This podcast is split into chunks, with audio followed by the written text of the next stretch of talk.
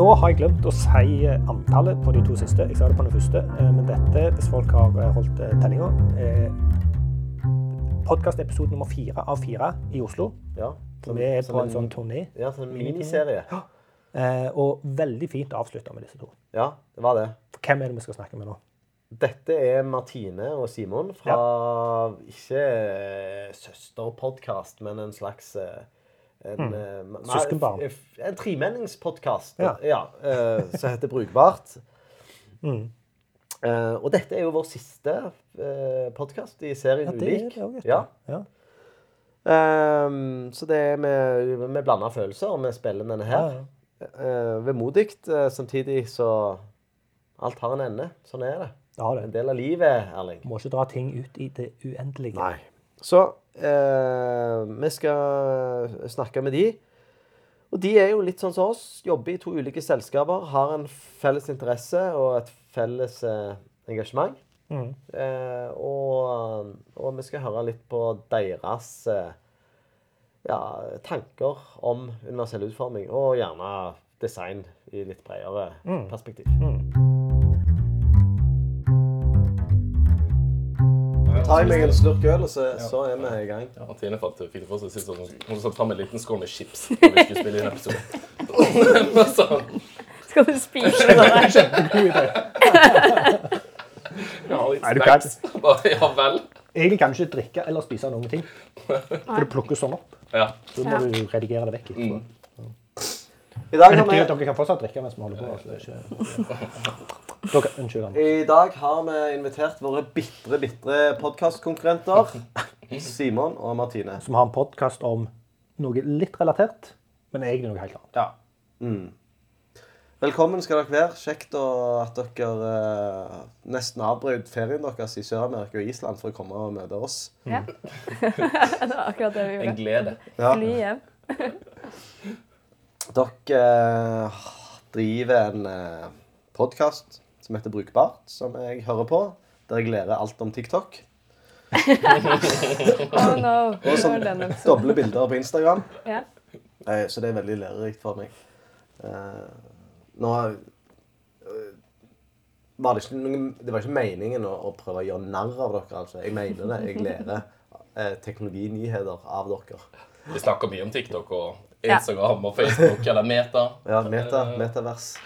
ja. Og vi, har jo, vi føler oss litt gamle også i det der universet der. Ja. At vi er litt sånn gamliser som sitter og snakker om hva kidsa driver med på internett. Ja, for da har vi snakket om TikTok. Herregud.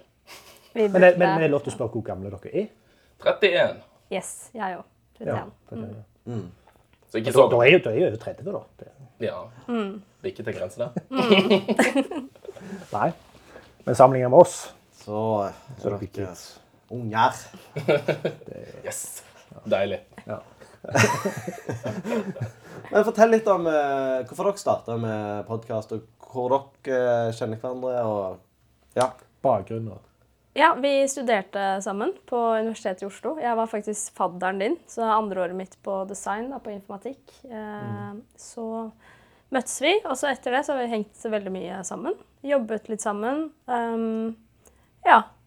Og så satt vi plutselig en kveld på Peloton eh, borti Torgata og fant ut at eh, vi skulle gjerne ha snakka litt om, eh, at vi, om ting som vi skulle ønske at det ikke var så dritt. Ja. Det var basically sånn det starta. Og så Ja, man blir litt skadefri når man er Eller ikke skadet, man blir litt sånn yrkesskadet når man er, er UX-designer. sant? For mm. man legger jo merke til alt som ikke funker mm. ordentlig. Man ender opp med å irritere seg veldig mye over mye forskjellig. Så vi tenkte her er, er det et lite hull i det norske podkastmarkedet. Dette er ikke det så mange som, eh, som prater om. Det finnes vel et par liksom, amerikanske podkaster om, om, om UX, men lite for Norge. Det er jo et blomstrende UX-miljø her. Så vi tenkte at det kunne vært, kunne vært gøy, og så er det jo gøy for oss også å holde oss faglig oppdatert og kunne drodle om nye ting som skjer. Men dere kaller dere selv begge for UX-designer? Jeg har nok mer tjeneste-business-designer nå, Ja. i den retningen. Men jeg er jo, har jo jobbet som UX-potet, vil jeg si, på alt mulig. Siden jeg har vært mye i startups inntil ja, for to år siden, hvor jeg ble konsulent. Mm. Mm. Ja, jeg har gått over i en CTO-stilling. Uh, men eh, anser meg jo CTO, ja. ja. Så ikke så, så mange alltid som går fra UX til CTO, Nei, kanskje? Vet ikke. Men det, det høres jo gysla stilig ut. Ja, Chief Technology Officer. Ja. Så er sjef for uh, 250 stykker. Ja, ja, ja. Så mange er vi da ikke. Nei, vi er, vi er en tolv stykker nå. Men det skal bli flere. Ja. Men det, det er bra, det. Er det bare tolv som jobber i No Isolation? Nei, i, i utvikling. Så. Ja, ja OK. -hmm. Ja, men jeg blir jo litt nysgjerrig. Hvordan går du fra UX-designer til CTO? Godt spørsmål. Jeg er litt usikker på selv. Uh, gjennom eh, Nei, godt spørsmål. Jeg tror sikkert tidligere ledererfaring fra jobbet i ungdomsorganisasjoner og, og sånne type ting. Og altså, som UX-designer så får man jo ganske god innsikt i hvordan alle systemene funker. Jeg har vært sjefsdesigner på en måte for alle produktene vi har, så kan jo brukerbehovene og hvordan ting er skrudd sammen ganske godt. Og så har vi jo en informatikkbakgrunn som på en måte er delt Ja. programmering og design. Eh, så forstår jo på det produkt, nei, eh, utvikling, programmerutvikling og Du tok tok jo veldig mange fag også Mm. på universitetet Ja. innenfor programmering. Mer enn meg. ja. Men har du jobb som utvikler? Nei, eller jo litt som, eh, Ja. i, i løpet av studietiden og sånn. Men eh, Ja, veldig kult. Søk, søkte du på jobben, eller ble du interne, interne Ja. oppgradering. Du var ute med albuene og Nei, det var ikke så mye meg som uh, ropte etter den stillingen, altså. Det var, uh, ble spurt om. Så det var hyggelig. Kul. Og hvor lenge har du vært i den stillingen? Nja, på en måte fungerende i kanskje et års tid, men formelt et halvt år. Er det. Ja.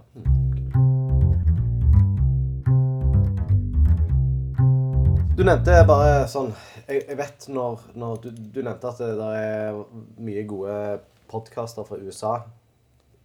Har du et eh, eksempel? Tips? En anbefaling? Altså, vi er jo veldig glad i Pivot. Ja. Kjenner ikke jeg til, så nå ble jeg glad, for jeg fikk et konkret tips. Mm. Ja. Det er med Scott Galloway og uh, Cara Ja. Swisher. Mm. Ja. Har Og de eh, har ja. også to andre podcaster på hver sin kant, som også er veldig bra. Ja, for det er det jeg har hørt på. Mm. Men Pivot anbefaler dere. Pivot, ja. Og hører mye på Wall Street eh, Journal, for de har sånne korte kvarters eh, Ja. episoder om ting som er aktuelt, da, og Mm. mye infoteknologi. Så de er veldig fine. Kommer ut uh, annenhver dag, tror jeg. Litt sånn der Aftenposten uh, Forklart. forklart. Ja. Ja. Forklart hører jeg på. Eller sånn Hører gjerne fire av fem, da. De som er helt De som har sånn tema som du skjønner er utdatert i morgen, de gidder jeg ikke. Nei. Sånn. Mm. Ja. Og så har Dobe også en podkast som heter Wireframe. ja. Mm. jeg tror ikke de, de poster ikke sånn kjemperegelmessig, men de har noen ganske gode episoder om uh, ulike temaer da, som de går inn på, og så inviterer de inn, uh, Nett- Net. Netflix også hadde jo Men jeg vet ikke om de Ja, oppdaterer de hadde, den. ja, den designen design i Netflix. bra. Mm. eh, Ja, det er produktutvikling i Netflix og sånn. Ja. Og så 99% Den er jo superbra. Mm. Det er jo velprodusert og Ja. Roman Mars. Sykt flink fyr. ja, den er bra. De er mye flinkere til å huske navn på Ja, folk og Ja, podkaster. de er, husk, de er ti år yngre, så de har eh, Ja, ferske ja. Men jeg, jeg, eh, Netflix har også en sånn blogg eh, tekne, der de gjør ganske mye innsikt hva de holder på med under panseret. Så kjempekult når store selskaper deler litt. Ja, jeg husker jeg var på en talk også på EXTA, Mm. hvor det var en av de sjefsdesignerne som hadde om Ja. testing, og hvordan de gjorde AB-testing i Ja, Netflix. det, det. den, Ja. Ja. den bloggen jeg følger med på, det handler om AB-testing. Ja, og de er jo supergode på det der. Mm. Det var et kjempebra foredrag Ja. som var på Mesh ja. for noen år siden. Ja, man merker jo at det, altså jeg føler jeg blir AB-testet på sånn internt bare meg Ja. på Netflix. Ja. så, Og det er også sånn yrkesskade. Vi sender hver gang det er bare sånn Ser din sånn ut nå på Facebook-appen eller Instagram, eller Har du fått det her? Sykt irriterende.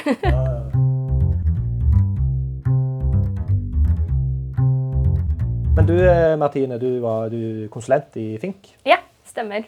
Og før det Eh, da jobbet jeg i Play Magnus for Ja. eh, de, de sjakkappene til Magnus Carlsen. Så vi lagde to apper og holdt på med en del konseptutvikling da, rundt det å dra sjakken litt mer inn i den digitale verden. For det er jo veldig analogt. Og så er det jo mye e-sport og Twitch og alle de tingene der. Så Ja. det var det jeg jobbet med på slutten der, da, før jeg sluttet og begynte i Fink. Men har du òg jobba um, med Finn? Eller? Har- Ja, ja. jeg har vært konsulent ja. i Finn. Så Ja. den lille forvirringen der, den var reell. Mm, ja. Ja. ja. Den, eh, jeg var der i ett og et halvt år Ja. og jobbet med noe som de kalte A-caser, som er litt på siden av sånne nye markeder. Ja. For ja, nye produkter, som var et lite team på Mm. fire stykker. som... uh, Og det hørtes jo dritkult ut. Det var megabra. Det var superbra oppdrag. Ja, det var det også, ja. Mm. Ja. Men, men eh, bare den Play Magnus, var, det, var du der når kjøpte i chess.com, eller hvordan var det? Nei, Chess24. Chess24 Så ja, jeg Sånn jobbet sånn der da vi drev med oppkjøpet. Ja. Og da det ble lansert og Ja. annonsert. For de har jo gått litt i konkurranse med chess.com, da. Ja, Så det er liksom de sånn to haugene i verden nå på den Ja. digitale sjakk... eh, Ja. Spiller du sjakk sjøl? Litt. Jeg er medeier i den sjakkbaren, The Good Night, Ja, som ligger i Det Torgata. leste jeg om i dag. Ja. Mm. Så det Hvorfor er du medeier der? Ja, Det var eh, kollega av meg i Play Magnus som spurte vil du være med. Det er nesten ingen damer som er med, og du syns du skal komme inn på en liten post. Ja, ja. Så jeg eier ikke mye av den baren, for å si det sånn. Før vi gå på den baren etterpå? Ja, det Ja. bør dere. Mm. Ja. Og det er mye Ja. som skjer der nå, fordi nå er det jo VM på fredag. Så, er, eh, så i går så var det full stinn brakke med to sånne chessfluencers, to jenter fra USA, Chessfluencers. OK. Som eh, heter Alexandra Botes og søsteren hennes. da. De har en sånn kjempestor eh, Twitch-kanal. Ja. mange, mange unge gutter som var der for å spille mot de. Så de livestreama derfra. Men kan du eh, Jeg får jo litt sånn Hvor mye sjakk må du kunne for å kose deg Du trenger ikke å kunne noe som helst. Simon har vært der mye. og kan ingenting. Han er jeg, kan, jeg vet hvordan brikkene kan flytte seg. Det, det er det. Og hver gang noen spør om jeg vil spille sjakk, så sier jeg nei. For jeg vet at det kommer bare til å være ydmykende. Jeg tror vi har spilt det en gang, faktisk. En halv. En halv gang. ja. Har dere fått med dere, siden vi akkurat Det er en sånn liten Carlsen eh, Netflix-parallell. Har dere fått med dere at det er kanskje en Netflix-serie jeg ser ikke på Netflix, eh, som handler om sjakk, og så har de lagd sitt eget sjakkspill som ikke er sjakk, som heter et eller annet Ja. eh, board game. Oi, nei. Som Ja. er et sjakkbrett der noen bare har produktifisert ut fra den serien. Altså, nå er jeg så enormt på tynn is. Men ja, men men det der, ja, der Magnus Carlsen bare har uh, tvitra 'This is the next big, big thing', eller noe Oi. sånt. Bare, nei. det er jo helt, helt tullete. Åndas. Ja. Eh, men ja, det skal jeg sjekke ut. ja. Det har jeg ikke fått med meg. Nå Nei. har jeg vært på ferie i to uker og Ja. er helt ute av verden. Men det er jo det, Hvorfor husker jeg ikke uh, Queen's Ja, Gambit? Queen's Ja, Gambit. Queen's Gambit, ja. så mange For vi har lagt et spill faktisk. eh, av Queen's Gambit oh, ja. som ikke er sjakk, Oh, ja. Men som er et men som er sjakkbrett. på et sjakkbrett. Som jo er helt uh, ja. Mind blown. Ja, Ja. Men det var en veldig bra serie, da. Ja, det var det. Ja. Definitivt. Ja, sikkert. For fire år siden så sa Erling til meg sånn Du må se Black Mirror. Det, Ja, det må du Ja, se. det du se. det. Det Ja. Ja. Og så har jeg lagt meg en liste. Det må jeg se. Og står fortsatt på den lista. Det er veldig, veldig bra serie. Den er superrelevant. Ja. Ja. Jeg vet, jeg, super, ja, jeg, ja, jeg trenger jo ikke oss- Du har jo ikke Instagram, så du har sikkert ikke sett det, men det er altså en scene fra Black Mirror der de er, det er sånn digital verden og sånn, og det er eh, bilderett fra Facebook-metalanseringen av The Metaverse. Er det det, ja? Det er nøyaktig altså sånn, disposisjon, det er helt identisk. Når du ser Mark Zuckerberg stå og se på sin, ja, ja. Det er, det er den Black Mirror-episoden. Frysninger på ryggen. Mm. oh. Ja, men du får veldig mye frysninger på ryggen av den serien der. Ja. Den er ikke upbeat, for å si det sånn. Og i siste sesongen med den uh, Miley Cyrus-episoden, Ja, ja. der har de med Ashley 2, den roboten. Den er basert på No Isolation sin av en robot. Han det, ja? Mm. What? Det er kult.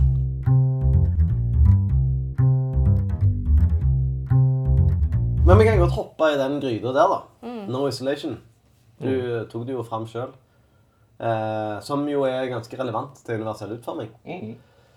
Eh, da kan jeg starte med en liten historie. Eh, jeg hadde jobba hos en kunde, og så var alle som jeg samarbeida med der, de var på webdagene.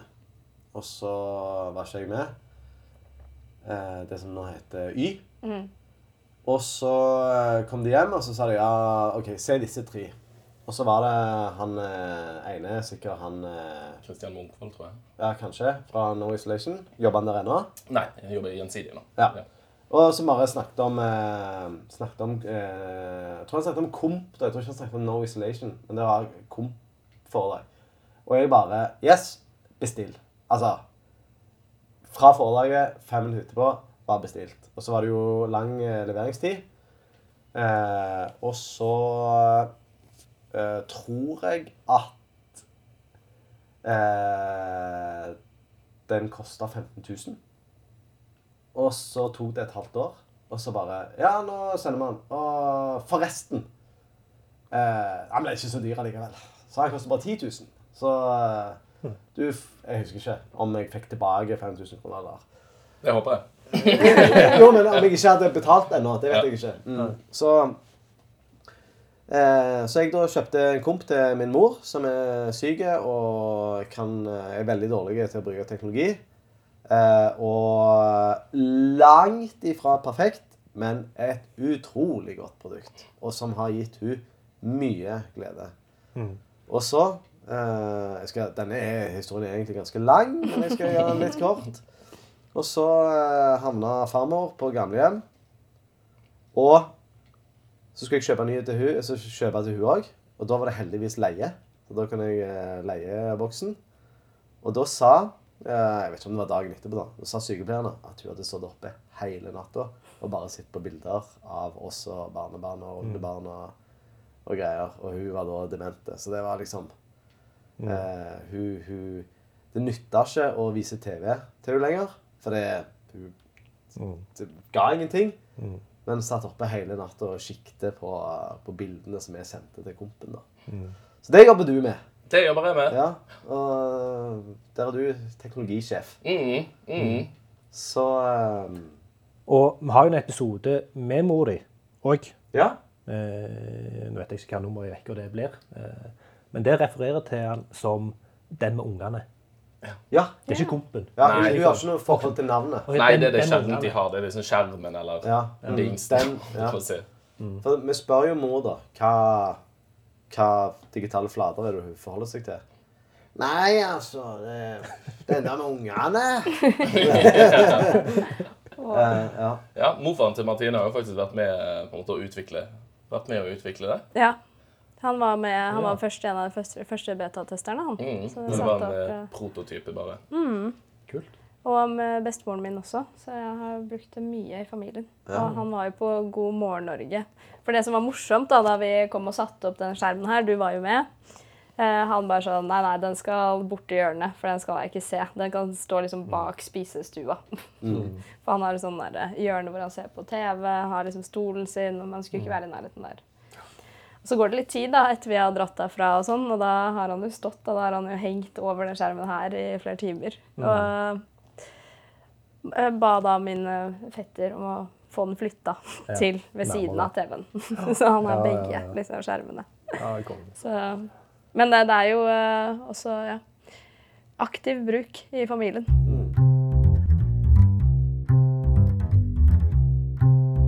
Hvordan er det å jobbe med noe sånt? Nei, det er jo selvfølgelig veldig gøy, veldig hyggelig og givende. Ja. Eh, Men det er jo også ganske, ganske utfordrende å drive og lage teknologi til en eh, brukergruppe som egentlig ikke har lyst på det. Eh, De har veldig lite krav til teknologi. eh, Litt fordi det er ikke så mye forventninger til hva det kan gjøre for dem. Da.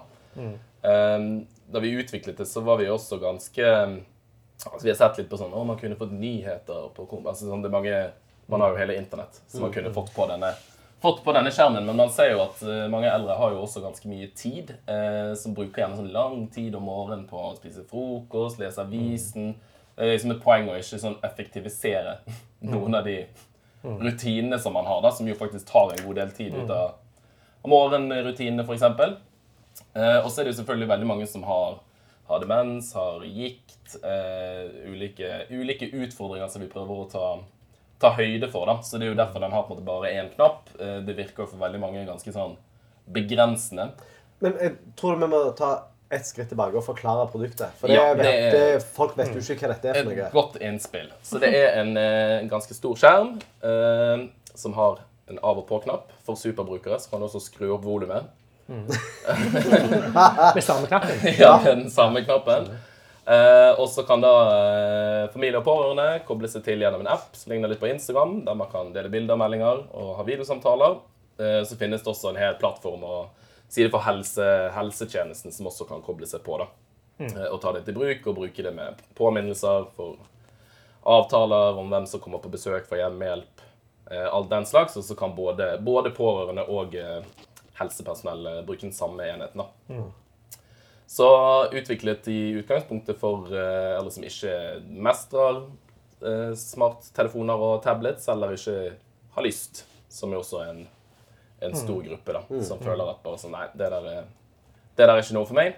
Eh, så vi har prøvd å egentlig fjerne alt av sånn innlogging, passord. Sant? På en vanlig iPad så må du ha PIN-kode, du må ha iCloud-passordet ditt, og så oppdateres den, og så flytter ting på seg, så må du logge inn her og der, og trykker altså, ja, I det hele tatt prøvde å bare fjerne, fjerne absolutt alt som egentlig ikke trenger å være der. Det er jo en eh, den prioritering, eller De prioriteringsdiskusjonene dere har hatt, de har sikkert vært ganske intense. Ja, det har de. Ja. Og det er jo noe vi liksom alltid stiller oss også når vi bygger nye, nye funksjoner. sant? Så det er sånn, hvordan kan vi unngå å flytte ting på de eldre? F.eks. hvis den mister internett, sant? så viser vi jo ikke det på skjermen. For det får jo egentlig ikke de gjort noe med. Nei. Eh, Det blir bare et sånn stresselement. Så nå Ja. står det noen sånn feilmeldinger på denne skjermen der. Uh, Så da durer og går ting no- noenlunde som normalt, og så får app-brukerne heller Ja. ta stilling til det, da. Ja.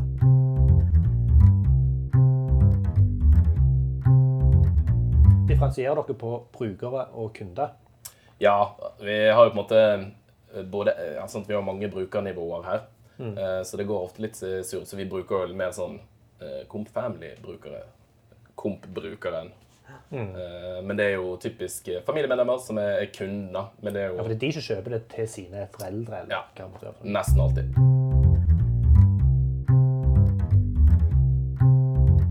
Så hvis jeg skal få legge inn et jeg, jeg mener at det er superviktig og bra at dere bare holder veldig hardt igjen på funksjonalitet. For eh, er det noe som kan ødelegge et produkt, så er det jo, som vi alle rundt bordet her vet, for mye funksjonalitet. Mm.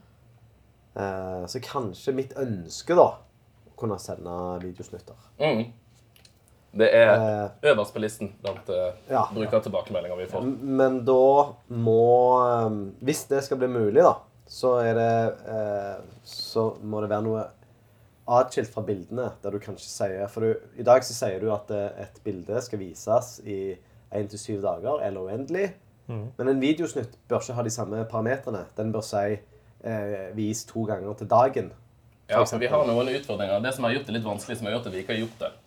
Så her kan jo dere komme med innspill. Ja, ja. sammen. ja nå ble For det det er jo ingen interaksjon på denne skjermen, sant? så man sveiper ikke og trykker ikke play. på en måte. Så når man da mottar en video, da, skal, da Nå går jo bildene i en sånn bildekarusell. Skal den videoen bare begynne å spille av med lyd? Eh, sant? Hvor ofte skal det skje? Eh, også noe bekymret for, særlig hvis man kanskje har sånn tidlig demens, eller noe sånt, at det kan være litt uklart om det er en videoavspilling, eller noen har ringt. ah, Den så jeg ikke. Eller en Ja. videosamtale. Så hvis du da står på kjøkkenet og holder på å ordne frokost, og så plutselig hører du at det er snakking og lyd på, på komskjermen, så kan du tro at plutselig noen Prøver å ringe deg. prøver, ja, eller står inne, og så kan man høye og haste seg inn og potensielt falle. Skal, altså sånn, det er ganske mange. Men er ikke dette litt sånn eh, redaktøransvar? Altså De som legger ut innholdet, må kjenne mottakeren. Jo, særlig med i demens-cases, så Det er det noe de burde være oppmerksom på. da. Men ja, det det er en liten nøtt å få det der til å Ja, jeg ser det. fungere smooth. Ja. ja. Interessante problemstillinger. Mm. Ja.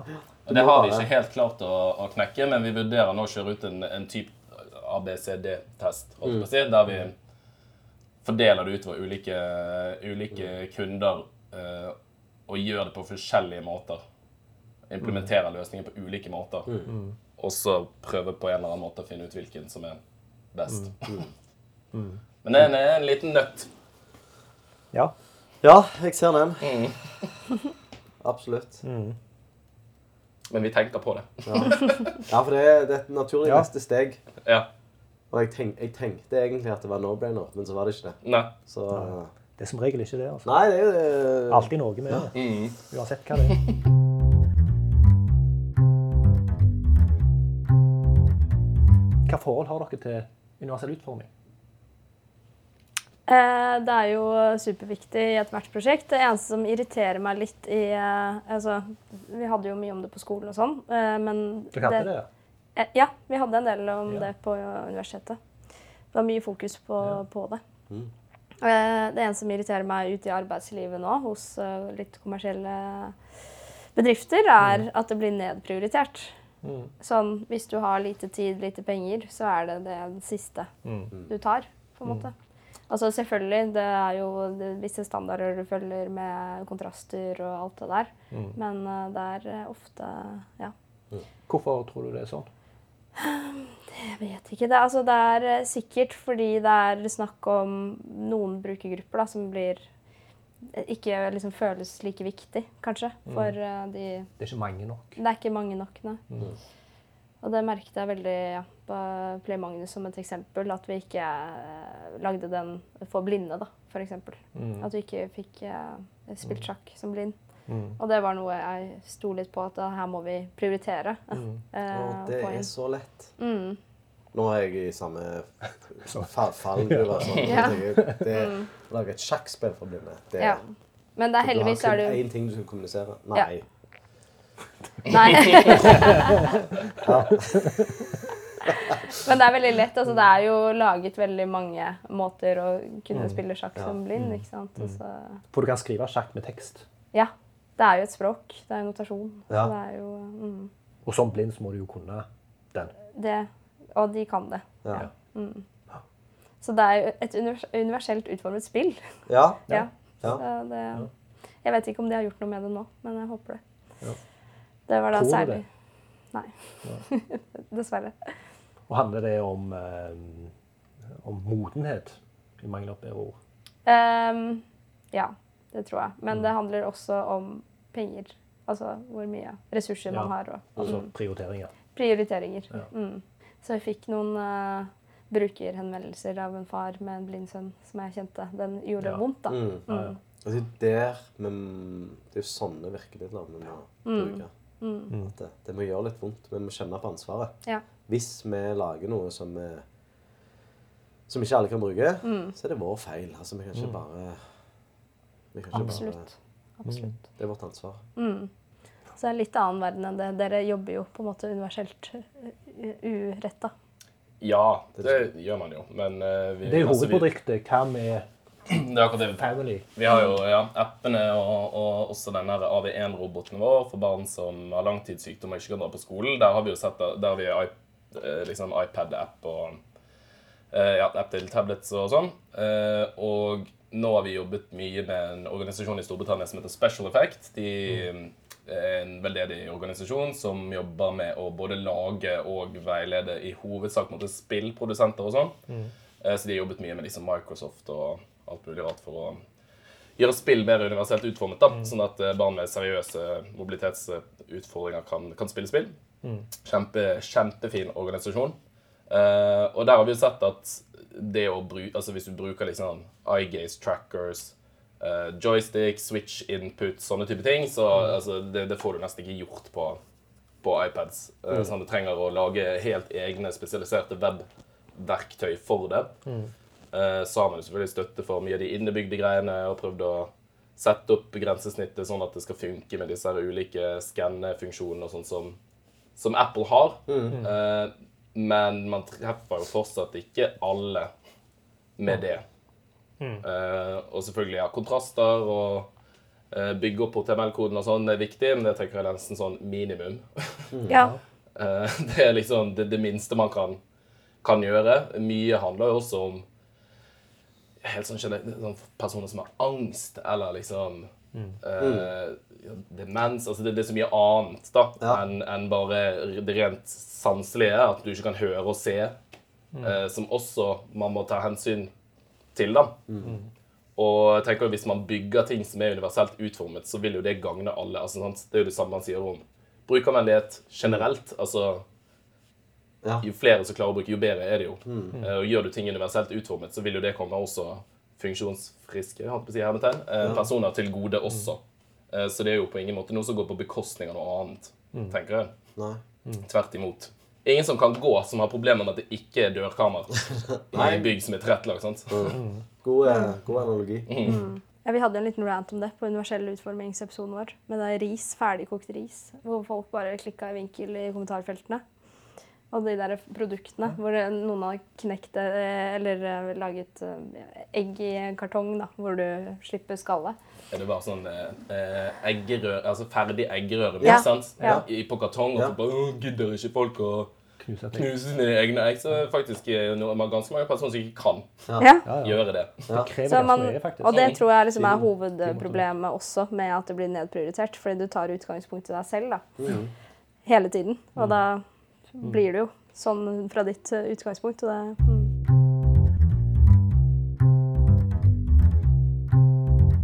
Hvordan kan, vi, hvordan kan vi dra folk ut av sitt eget hode? Ja, det handler jo også om hvem som jobber med det, da. At du må være diverse på hvem eh, du Mm. ansetter i forskjellige stillinger, og teste på diverse. Mm. Ja, nei, jeg tenker, ja, det, det krever rett og slett bevissthet. Ja. Eh, man må ville det. Mm. Og ha det med fra begynnelsen. Sant? Det er jo, skjer jo ofte med eh, UX-design og interaksjonsdesign at uh, i, i mange IT-prosjekter at det kommer inn litt sånn på slutten. Så skal man liksom pynte på med litt, litt UX i stedet for å dra det UX. med. UX på toppen. Ja, sant? Akkurat som gastromat. Ja. Ja, jeg har hørt det flere ganger. Og så putter vi litt UX på toppen. Mm. Og det er det samme, det funker ikke å gjøre det heller med universell utforming, med noen av disse tingene. Sant? Du må tenke på det helt fra starten av, og sørge for at det er en del av produktstrategien. da. Vi har det som et av, vi har tre sånne produktpillars, som vi kaller det. Som er på en måte eh, sikkerhet, eh, personvern og universell utforming. Og alt vi gjør, skal på en måte vurderes ut fra det. Når vi setter i gang med prosjekter, så er man nødt til å skrive noe om det. Skal lage nye features, så er du nødt til å på en måte skrive noen setninger om hva som er viktig, viktige hensyn innenfor de tre tingene, og, og tenke på det. Så det tror jeg Det er woke. Ja, vi prøver jo å være veldig woke, da. Det er jo nesten, nesten litt sånn Nå er jeg, disgusting. nå er jeg gammel, for, for woke har jeg jo hørt mange ganger. Men hva betyr egentlig woke? Nei, det er vel at man eh, er liksom våken for uh, Man ser, ser alle. Fremoverlent. Ser. Ja, hvordan definerer man det? Ja. Litt sånn framme i skoen? Ja, fremme i skoa. Ok, ok, Så Ser. da er du uh, ikke hipp og trendy nødvendigvis, men du er Nei, Ja. men det er jo litt hipt og trendy å være woke. Tenker på okay. miljøet, man tenker på Ja, okay. Ja, diversity. Mm. Da, ja, Skal tenke på alt mulig rart, da. ja, ok. Ja. Mm. Da skjønner jeg bedre. Det er ikke, den dummeste trenden, det, at han skal Nei, men det kan jo gå litt over styr, da. Ja, ja. det er Cancel culture. Cancel culture Ja. Ja. Ja, og når det er woke, så har det kanskje gått litt for langt. Ja. Ja. Ja. ja, ja. Ja, noen ganger. Ja. Men jeg må gi litt kudos til Finn, faktisk. På, Ja. De er flinke. De er Ja. superflinke med det i hele ja, produktutviklingsteamene sine. Mm. Alltid innom. Og bare sånn Det nye produktet som jeg satt og lagde da, for, eh, for Finn, så hadde jeg en eller annen demo. Og da kom det en designer og bare sånn Å, du må passe på kontrasten her, fordi den blåfargen der, den må du Så Ja. man kommer og prikker hverandre på skuldrene og Ja. sier fra. Ja. Så, og de har også fokus på det på fagdagene sine, hvor de tar inn forskjellige brukergrupper som snakker fra sitt ståsted. Og, mm. Ja, men som, eh, som eh, konsulent eh, så kommer du inn på et sett med premisser. Du skal inn og gjøre en type jobb. Og med mindre du er en UE-ekspert eh, og skal inn og gjøre en UE-jobb, eh, så handler det gjerne om noe annet. Om du er UX-designer, eller om det er eh, strategisk designer, eller hva, hva tittel du bruker. Eh, hvor, eh, hvor mye fokuserer du på eh, UU? Altså, det er jo veldig viktig. Nå er jeg ofte inne i tidligfaseprosjekter. Eh, vi er jo absolutt ikke like flinke som eh, Simon og No Isolation på å tenke på det. Uh, og det tror jeg liksom det, det, blir fort glemt, da. Altså, jeg, jeg, jeg har ikke vært flink nok på det, rett og slett. Men det er jo mer og mer eh, Jo mer man eh, lærer å snakke med folk og, og erfaringer man gjør seg, da. Særlig Finn, når jeg var der lenge. Så bare sånn Det her er superviktig. Mm. Ja, jeg kan jo si at uh, selv om jeg har spilt inn mange episoder er det, Anders? 52 episoder om universell utforming, eh, og jeg er ute på et oppdrag eh, med andre premisser, så kan jeg glemme det av. For det, du, du må liksom minne deg selv på det hele veien. Og vente litt. OK, universell utforming. For én ting er jo kodekvalitet. Eh, det, det skal bare være på plass av mange forskjellige grunner. Men det er så mye annet òg du må tenke på. inni det. Så det er, ikke, det er ikke noe som kommer naturlig. Nei, det er ikke I det. hvert fall ikke hvis du ikke er inne en plass hvor det er kultur for det. Det er akkurat det. Og det tror jeg er viktig at liksom, utdanningsinstitusjonene også tar høyde for når de Ja. utdanner nye designere nå. Ja, men hva, var- hva, hva, hva, det, hva heter den linja og det faget dere gikk? Altså, det, informatikk, design, bruk, interaksjon heter det. Angre? Informatikk? Design, bruk, interaksjon. Ja. Det er en, en av de tingene jeg synes var veldig nyttig, som jeg kanskje hadde lært mest fra der. Der bruker man jo mye, um, mye forskningsmetoder fra psykologi og sosialantropologi, så vi blir jo satt veldig mye ut i sånn, altså det blir veldig pushet på sånn kontekst, kontekst, kontekst. Det er på en måte eh, alt. Um, og så det der er et, se for meg, si Ruter-appen, sant? Den bruker du jo på en måte når du er ute på farten. Ja. Du har dårlig tid. Du skal sjekke når noe går. Uh, og jeg husker det, det var for tidligere da vi studerte det, så begynner det å bli en liten stund siden, liksom, og bare prøvde å vurdere appene i, i sånne typer kontekster, sant? som jo er helt annerledes fra når du sitter på kontoret ditt og Ja. designer Figma og trykker på mobilen, og 'Å, dette funker kjempebra'. Eh, mens når du står i den veldig stressede situasjonen, sant? og vi var mye liksom ute og skulle observere folk som så gjorde ditt natten, brukte teknologier på kontorer og, og sånn, i typisk sånn gruppe, gruppeoppgaver. Da husker vi hadde en der vi det var sånn ruter, ruter-type case da, og så liksom ja, flere personer i, i rullestol for eksempel kom, sant? så gjerne hadde, hadde noen handleposer og det ene og det andre, og alt ble litt sånn der klønete, sant? så ser du jo bare sånn, det, det der funker jo, funker jo ikke. Liksom. Det, det, hvis man ser ting i, i kontekst med de personene, så er det veldig mye enklere å, å, ta, det, å ta det inn over seg, rett og slett. Ja. Ja. Hvordan eh, produktdesignet egentlig burde være. da. Ja. Og det høres litt ut som dere har eh, lært om universell utforming uten å ha lært om universell utforming. Ja. For det handler jo om å sette seg inn i brukerens perspektiv mm. og forstå at det finnes veldig mange forskjellige situasjoner Mm. hvor folk kan bruke denne tjenesten eller applikasjonen. det. Mm. Men hadde dere UU-fag? Nei, det var ikke rene, men det var alltid et lite drypp av det i hvert eneste fag, følte jeg nesten. Sånn særlig programmerings... det skal være, for det skal jo Ja. så, Ja. Det skal I jo arbeidslivet sikkert. Det skal ikke være en egen greie som du klemmer Nei, på. ikke sant? Det så ofte man må skri, skrive noe om det i, Ja. i rapporter og innleveringer. Ja, og det var samme med personvern også. Det kom jo inn veldig tidlig. Ja. Eh, Vi hadde også blind eh, koder som kom og hadde forelesning. Bare Ja. for å vise sånn her jobber jeg med kode. Og Konge. mm, så Det han, høres kult ut å Ja. høre på. Mm. og det er jo ja, veldig, veldig lærerikt. Vi hadde jo egne etikkfag da, faktisk. Som Ja. også krysser jo inn litt der. Ja. Ja. Jeg hører det. Det er så utrolig sånn blindnavn. Hæ? Nei, det er eller bare sånn Det er sånn blindnavn å gjøre disse Ja, ja, tingene. ja. Men hva, er, det, er det en bachelor eller en master? Eller? hva er det? Ja, vi Begge. har tatt master. Ja, Ja. Bachelor og master. Det er ikke integrert, da. Så du må Ja. velge, søke det inn på master etterpå. Ja, nettopp. Så de jobber jo også mye med Jobber jo mye med forskningsprosjekter rundt liksom, helseteknologier og, og den slags, så det er jo veldig mye caser og prosjektoppgaver som er knyttet til, til det. Eh, og da streifer man jo på en måte innom det nesten uansett om man, om man vil eller ikke.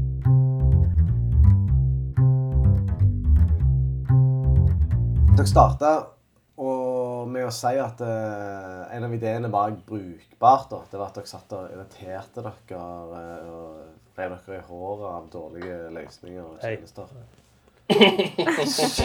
og så og, og, og egentlig uten at jeg har tenkt så mye over det, så er det ei eh, tidligere kollega av meg, Margrethe, som har, eh, som har sagt at det hun har fått ut av eh, våre intervjuer da, med, med folk med utfordringer, det er at alle er så positive. Sant? At den motgangen som de møter, eh, ville jo fått oss som jobber i faget, til å gi opp lenge, lenge, lenge før de faktisk gir opp. Så har jeg tenkt litt på det, da. Er det fordi at eh, vi tiltrekker oss en type mennesker som faktisk er villige til å eh, snakke med oss og er egentlig litt positive til den type tiltak? Eller er det fordi at de opplever egentlig så mye dårlig kvalitet at de bare har skjønt at du må Jobbe litt ekstra. Du må eh, gi litt ekstra. Du kan, ikke, du kan ikke forvente at ting skal være lett i dag, fordi at det, alt er vanskelig. Mm. så lurer jeg litt på Hvordan er egentlig verden? Er verden sånn som oss rundt bordet her, at når vi finner noe som er veldig som er veldig lite brukbart. At eh, en gir opp og sier 'drit i det, jeg gidder ikke å kjøpe dette', eller 'jeg gidder ikke å sende inn dette skjemaet', eller 'jeg gidder ikke å Eller er folk som mange av de som vi har møtt, da som er, Tilpasningsdyktige. ja, veldig tilpasningsdyktige. Og 'dette skal jeg få til, koste hva det koste vil'. Jeg, mm. jeg skal få dette til. Ja, og det er jo sånn, Vi tok jo nattoget bort her Ja. eh, og fikk, eh, fikk et rekord, for vi tok sånn sovekupé. Fikk jeg kort på noen snodige tall og noe greier. Du hadde jo tatt det før, da. Ja. Eh, Men jeg vet at hadde jeg fått den, og aldri tatt eh, sovetoget eller nattoget før, så hadde ikke jeg forstått hva kupé jeg skulle til. Men jeg, jeg vet jo hva jeg skulle ha gjort. Da hadde jeg gått til konduktøren. Du, jeg forstår ikke. Så hadde han sagt ja, men det, det er 81-85.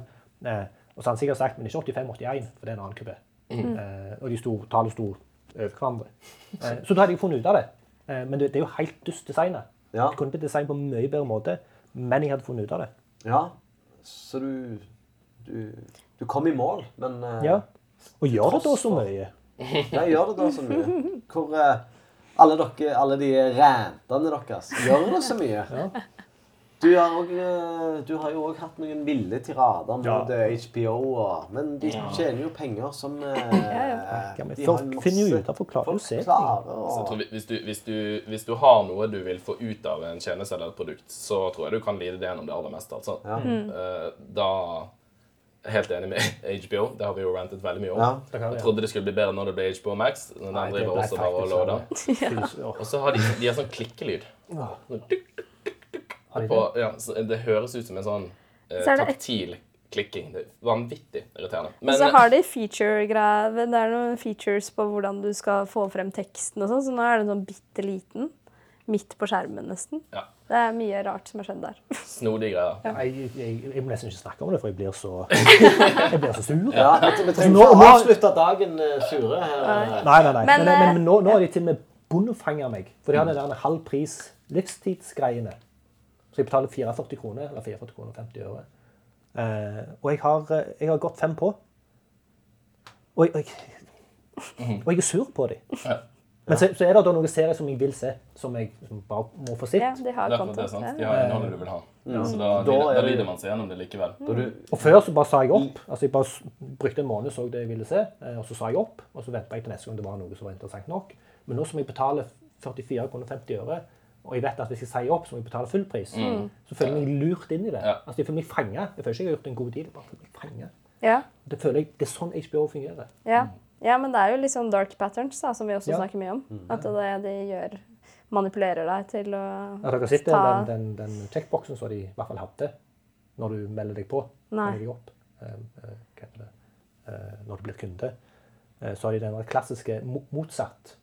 Altså, Ja. jeg ønsker ikke å motta markedsføringsmateriell som du må huke på. Ja, fy søren. Og det er jo Det er ikke sneaky. det er ulovlig i Det er sneaky. men de gjør det for det. Ja, ja, Men jeg har sett fra, fra igjen disse special effects som vi jobber med, så de gjør mye sånne eye gaze trackers, og er bare noen ganger de har vist oss noen av de oppsettene de har.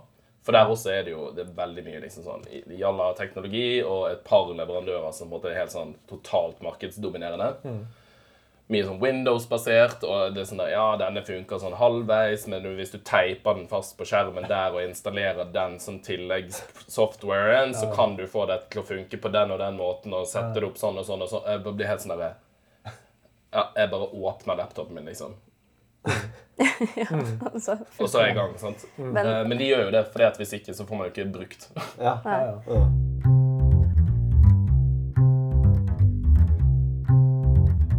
Og vi er superprivilegerte i Norge. Ja. Ja. Fordi nå har jeg vært i Sør-Amerika og reist i koronatid. Ja. Ja. Mye løsninger, skjemaer som må fylles ut for Ja. å komme deg over grensene. PCR-tester. Det er uh, heftig. Bare inntil da jeg skulle ut av Argentina, så var det sånn der Du må fylle ut skjema for å komme deg ut. Ja. Og da hadde jeg kjempedårlig tid da til en ferja, for da skulle jeg ta ferja fra Buenos Aires til Montevideo. Jeg tror det var sånn eh, fem minutter før den skulle gå. Oi. Og står der med det skjemaet. Og for det første bare sånn, de sier ja, du kan ha den på engelsk, men ingenting var på engelsk. Det var bare på spansk. Eh, fyller inn. Og så er det når jeg skal submitte formet, da, så kommer det sånn Nei, du har ikke fylt inn et viktig eh, steg her. Men ikke hvilket. Men ja, så Ja. bare scroller du deg til toppen, og så bare sånn Nei, men vet ikke. Ja. Det er sånn. Og så jeg sto der sammen med hun der check-in-dama også. Hun begynte liksom å trykke av og på ting. Det var veldig morsomt hvordan hun også prøvde å løse de tekniske Ja, ja. problemene mine Ja. der. Ja. Så sa jeg bare sånn Hva gjør vi hvis ikke det her går? Hun bare du får, Hun kan jo ikke sende meg ut av landet, for jeg må få stempla meg ut, da. Og det Ja. Det endte skjedde? Eh, Jeg måtte fylle inn alt på nytt, og det er jo selvfølgelig et sånn femstegs langt form som Ja. de skal ha masse informasjon. ikke sant? Eh, Så måtte jeg gjøre på nytt. Supertungvint. Og de bruker de der karusellene, de der gamle som var på IOS før. Eh, som de også har nå, hvor du velger land. da, Så du må scrolle gjennom oh, ja. karusell. Ja, ja, Og du må ja, ja, gjennom ja. alle landene Ja. hele veien. Ja, ja, ja. Da tror jeg jeg skulle ned til Uruguay, og da bare står der og Ja, Ja. det var en uh, ja. Det treningsøkt for, for tamlene. Men du kom deg hjem, jeg kom meg hjem. tydeligvis. Ja, ja, men jeg har vært gjennom så mange sånne skjemaer. Ja. Og som de har sikkert implementert på veldig veldig kort tid. For de Ja, ja. åpna jo 1. november. Og... Ja. Men det er jo sikkert noen som blir stående der, da. Og det var jo en gjeng da som ble bare sendt til et hjørne. bare sånn, dere må fylle ut, dere må fylle ut. Mm. Satt opp noen der, eh, ekstra PC-er der. og nei, Det var veldig Hadde du Og- gode opplevelser i Sør-Amerika utenom eh, skjemaer som var litt vanskelig? vanskelige? å- Ja, ja, absolutt. Ja. Jeg, jeg var i bryllup, og det var veldig, veldig bra. Du var i bryllup, ja. Mm, I Uruguay. ja. Som man Ja, det er jo Men en ting også, da, sånn UX-rant-messig. Så flyplasser, wayfinding, skilting rundt Ja. omkring. ja. Det trodde jeg også var egentlig ganske universelt. For vi hadde jo også en episode hvor vi leste oss opp på flyplassdesign. Ja. Og det er jo Du har en guideline egentlig på det, men Mm. det er jo ikke alle i alle verdensdeler som har fulgt, da. Mm. Så det, det å bare finne ut hvor gaten din er og sånn, det er ikke en selvfølge alltid. Selv på internasjonale flyplasser. Nei, det kan jeg, det kan, vi, vi sleit jo med å finne fram her i dette bygget. ja. Vi gikk? Oss vill her i det feil. Ja, ja. Men det var, var det noe, det var noe sykkelparkering, og så var det, noe, det var en bar som gikk inn, så havna vi bak baren, tror jeg. Så fikk vi kjeft. Voksenkjeft. Nei, det er jo. Jo, jo, jo, jo. Sånn passiv-aggressiv. Hei, kan jeg hjelpe dere med noe? Men, eh, og, og, og feilkilden var ja, For vi, var, vi gikk ikke inn der som dere kom. Eh, yeah. Vi gikk ned i, i underetasjen, og der er det en sånn stor sal. Så står det et skilt. Eh, resepsjon. Pil. Og så fulgte vi den pilen. Gikk inn gangen eh, og så Tennis, i- og inn i en labyrint. Og så plutselig så vi eh, resepsjon, pil, motsatt vei fra der vi kom. Og så rota vi litt til. Og når vi kom ut igjen til startposisjonen vår, så så vi at det der sto pil, resepsjon og ikon av en heis. Så det var pil inn til heisen, som Nei. gikk opp til resepsjonen. eh, og det var Så det var det var ti eh, minutter av livet vårt som eh, kunne vært brukt annerledes. Ja, Nå fikk du jo bruk for det her, da. Ja, Ja, ja, ja, faktisk. Ja. ja Silver lining der, altså. Ja, ja, bra. Veldig bra. Men, Men igjen, vi er tilpasningsdyktige. Ja. Vi finner ut av det. Ja, man gjør jo Vi var villige til å lide, da.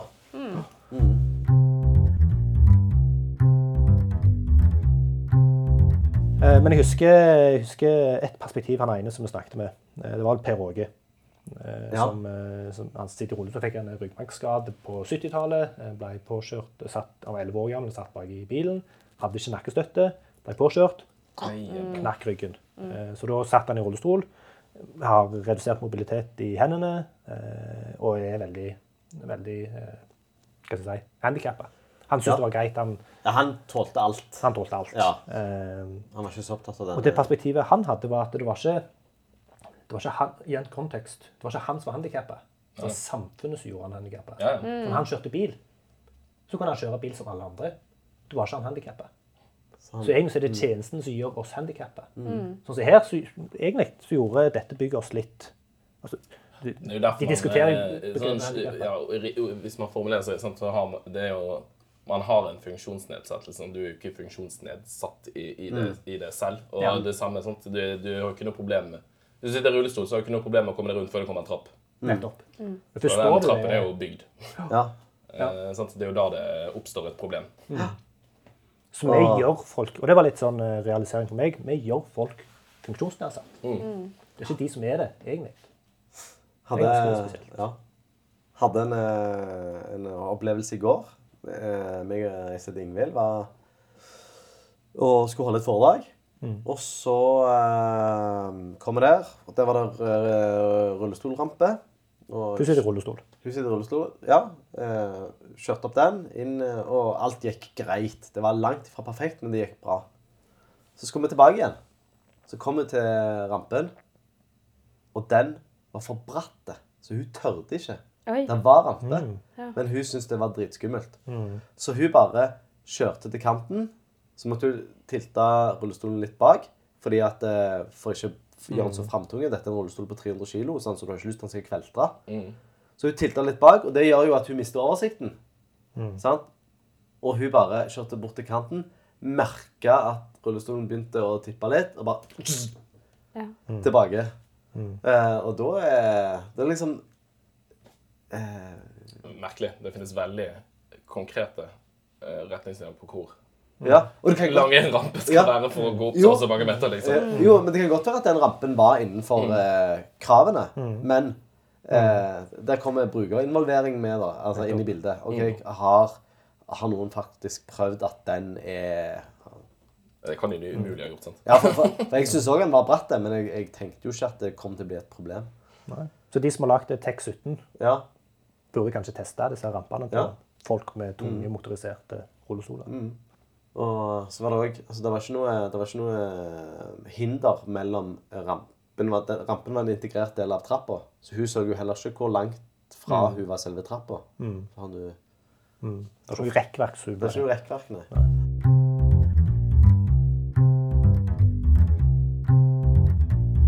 Universell utforming eh, nå og før. Går det bedre? Er det mer fokus på det, føler dere? Ja, altså det kommer jo de reglene som kravene. Hva het det igjen? Det, at du måtte følge VKG-linjer og sånn på retningslinjene. Ja, de gjelder vel Med bare- dagbøtene og SAS det fikk jo gjelder seg en bare smekk. offentlige etater og Ja. nødvendige tjenester. Har har dere merket at det gjorde en forskjell i folks holdning til universell utforming? Ja, ja nei, det, det, det, vet jeg ikke om jeg skal Nei, Skal si så har mye- si så mye på. reflektert så mye rundt eh, det, mer enn at eh, jeg var veldig god til å irritere meg over ting som ikke funka. Men de som fikk bøte, altså SAS, det å bare bestille en billett der. Jeg har jo prøvd det mange ganger og kommet til sånne dårlige situasjoner hvor jeg ikke og har bare gitt opp. Bestilt med et annet flyselskap. Mm. Ja, nei, men det det er jo mye Jeg føler det er jo mye meetups og events og Jeg følger jo mye nyhetsbrev og sånne type ting. Så for, for min del så virker det som det er veldig mye som, som skjer. Men jeg jeg er jo interessert i det også, da, så jeg oppsøker jo det. Vanskelig å vite hva som er, hva som er din boble, og hva som er representativt for den store trenden. Men jeg føler at der har det jo vært mye mer de siste årene. Fokus da, fra design, eh, Ja. Det- mm. Så har det vært, vært det. Men jeg vet ikke om det er så mye mer fokus på det utenfor den bobla vår. Nei. Nei, og Det er derfor vi stiller spørsmålet til, Ja. til de vi snakker med. For vi er jo i en boble. Vi føler at det er liksom, mer og mer om det, men det er ikke sikkert. Men vi har jo snakket mye om det også i Brukbart. Sånn universell utforming i bybildet. Bare sånne småting som man ikke har visst om før. Eh, De, eh, som folk har trodd har vært skate stoppers, som egentlig er bare en veiledning for eh, syns... eh, ja. Um, og de tingene. Så man har jo lært mer også, og hvorfor ting er utformet som de er. Det sa han Per Åge òg, da. For at han eh, hadde vært på en sånn befaring på Hva var det? Nye fly... Nei, flyplassen? Nei, sykehuset i Stavanger. Ja. Bygger nytt sykehus. Så er det jo sånn eh, for blinde, da. I bakken så har du streker og prikker.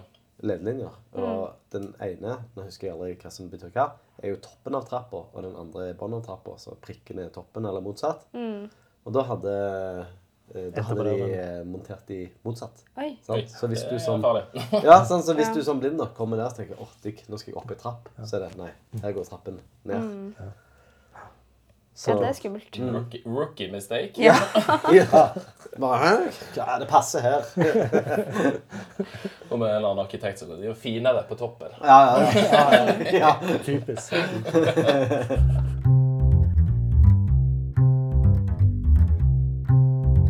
Har du et siste spørsmål, Anders? Nei, jeg har lyst til å komme meg på spille sjakk, jeg. Kan du, kan du reglene? Ja. Ja, men Det er bra, for da kan vi spille Eller er du flink? Nei, jeg er, jeg er terningkast to. Shit. Last ned Minus Trainer, og sånt, for da får, Ja, ja. Du, da får du sånn tall og ratings sånn, så du kan forholde deg til. Ja. Så du har noe ekte å si om hvor flink du faktisk er. Ja, fordi man opererer med rating og ikke terningkast ofte. Sier du det? Hvilken rating er du, da? Nei, det vet jeg ikke. Er du flink, Erling? Nei, Nei. det er jeg ikke. Men jeg hadde en periode hvor jeg spilte litt. Ja. Jeg fikk liksom satt meg litt inn i tankesettet. ja. Så Og lært noen av de grunnleggende prinsippene med, med åpningstrekk og ja, det er kanskje, jeg, har, jeg har to modus. da. Jeg har aggressiv åpning eller passiv.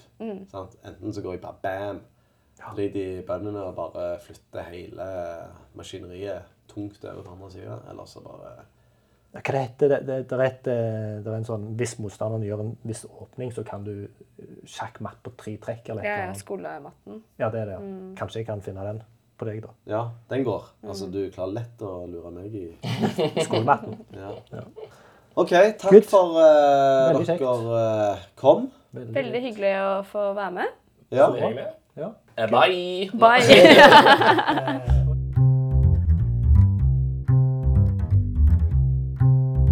Ja, jeg ble jo direkte rørt altså, av disse her eh, No Isolation-historiene. er helt uh, fenomenalt. Du å vite at det løser et så stort problem, gir så mye glede eh, inn i livet til folk. Helt konge. Og uh, samtalen var jo, som lytterne allerede har hørt, var jo kjempekjekke. ja. Det var stort engasjement og, og mye bra. Ja, det er jo noen glad, gladlakser, disse her to. Ja, er Gledesspreder og et sprudlende ungt eh, par. Følte meg 31. litt gammel noen ganger. Ja, de er, jeg er 38, det er ikke så Nei, stort gap. nei. Men, eh, Nei, det er jo faktisk ikke det. nei. Eh, hva sitter du igjen med? Mm. Den der Jeg kan jo være litt standhaftig og bastante og, øh, og Hele vedet. Ja, hele vedet og patent på eh, Og den, den sånn umiddelbare eh, tanken min om at eh, video er jo noe som bare må komme, eh, og at eh, noen har tenkt eh, mye lenger rundt dette, og at det plutselig er problemstillinger knytta til video som du aldri hadde forutsett i den sånne korte, umiddelbare idé. Eh, så det, og, og det er noe som Det er litt sånn livsvisdom, da. At eh, OK, når du får Når du får en Opplever en konflikt eller en idé eller Altså, det er alltid to sider av en sak. Og du må belyse begge sider og gjøre en vurdering når du har fakta på bordet. Ja.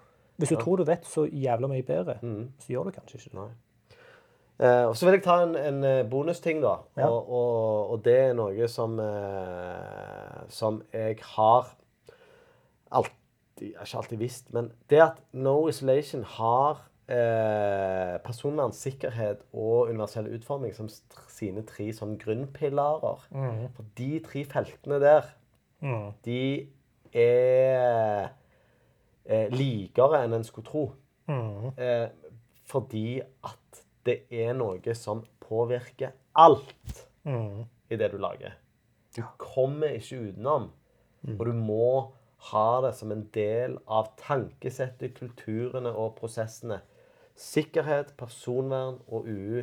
Du kan ikke bare legge det på som noe dryss eller krydder eller magiske pulver. Og, og det at de som bedrift har eh, tatt den, Det standpunktet. det standpunktet, Ja. nydelig. Fenomenalt. Helt enig. Meg, da? Ja. Ja. Eh, jeg, er, jeg er enig i de tingene du sa, men jeg trekker også fram dette studiet det har gått på. ja. Eh, nå kjenner jeg jo ikke til det, og jeg husker ikke navnet på det, selv om jeg eh, ba de om å si det en gang til. Eh, men det virker som det, det studiet ga dem et veldig fint perspektiv eh, på det å være designer, på det å være eh, UU-utøver, Ja. eller hva du skal kalle det. Så det, det studiet der vil jeg gjerne visst litt mer om. Mm. Så det er forskjell på utdanningsinstitusjoner. For, Ja, det er det. for noen episoder siden så snakka vi jo med Sara. Ja. Og hadde jo, de hadde jo ikke nevnt Nei, sant? eh, UU eh, på hennes designstudie. Nei. Og jeg lurer på hvor mye dette handler om forelesere. Ja. Hvor mye det handler om Mm. studiet i seg sjøl. Og kanskje er det litt sånn på skoler som i bedrifter, at du må ha noen primus motorer, ellers så Ja. får du aldri Eller så ta, ta, ta andre ting overhånd. Ja. Og kanskje vi skulle gjort en liten sånn researchrunde. ja. Funnet ut hvem det er som er flinke på dette. her. Og lagt ei liste. Litt inspirert av Sara. ja. Eh, og lagt ei liste over studier som faktisk ivaretar UU på en god måte. OK. Men eh, Tre eh, serier, sesonger ja, det er ikke bare takk for i dag, og det er er ikke bare takk for eh, denne episoden, men det er takk for serien. Ja. Eh, og nå vet vi ikke Vi har ikke, eh, vi har ikke noe podkast planlagt. Nei, Eh, vi kommer nok til å ta en pause fra podkast en stund Ja. framover. men abstinensene kan dukke opp. Definitivt. Ja. Definitivt. Jabbe-abstinensene. Ja, og det er mange andre ting vi òg vurderer å gjøre. Mm. Så får vi se hva det blir ut av det. Ja. Tusen takk for at du både bruker en hel dag i storbyen sammen med meg, Erling, men at du òg gidder å, å være med meg så mye som du må for å lage Det, dette her. det er lett, for du er en fryd å være med, Anders. Dette er et prosjekt. Disse prosjektene her er noe som jeg er helt sikker kommer til å være megastolt over når jeg går i graven. Dette er, Dette kan vi fortelle barnebarna om. dette er milepæler i livet mitt, så tusen takk, Erling. I like måte. I like måte. Og for siste gang, for denne gang, hvem er du? Anders. Og jeg er Erling fra Okse. Ha det! Adjø.